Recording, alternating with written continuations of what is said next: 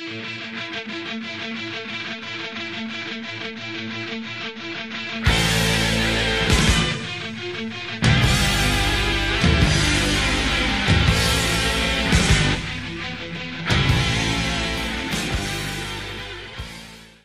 og velkommen til vår podkast 'Psykologi og fremmedspråk'. Den eneste podkasten i verden på 21 språk med tysk aksent. Jeg heter Gerhard Aabend. Jeg er psykolog, bokforfatter og tysklærer. Denne podkasten hjelper deg å forbedre språkferdighetene dine, uansett om du er nybegynner eller profesjonell. Jeg er ikke ekspert på norsk. Du har selvfølgelig allerede forstått dette. Vær tålmodig med meg. Men jeg lover at jeg skal bli bedre med hver nye episode. Hvis du har oppdaget denne podkasten akkurat nå, kan du sjekke ut de siste episodene først. Kvaliteten vil være mye bedre enn i det første. Temaet for dagens episode er dette. Den faste tankegangen i språkopplæring. Jeg håper at du ikke gikk glipp av vår siste episode. Hvorfor er dette et dumt spørsmål? Hvor lang tid tok det å lære et fremspråk? Du kan finne alle podkastepisoder i arkivet vårt. Hvis du vil høre på denne podkasten på et annet språk, gå til hjemmesiden vår, thegomethod.org. Der kan du også finne lenker til bøkene mine og gratismateriale. Vil du forbedre ditt tysk, bare send meg en e-post slik at du kan tjene på en gratis konsultasjon.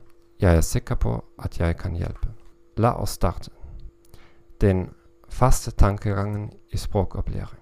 Ifølge professor Carol Dweck fra Stanford University tror folk med et fast tankesett at det er født med et visst intelligensnivå, og at det ikke kan gjøre mye for å forandre det.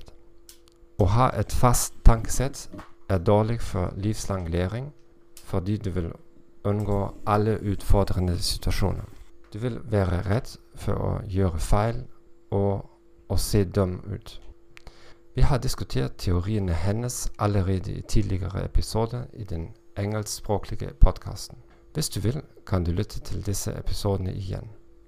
I dag skal vi begynne å snakke om lærere med fast, tankesett. Hva er indikatorer for at læreren din kan ha et fast tankesett? Han eller hun berømmer studentene for å være smarte eller intelligente. Han deler elevene sine inn i det dumme og det intelligente.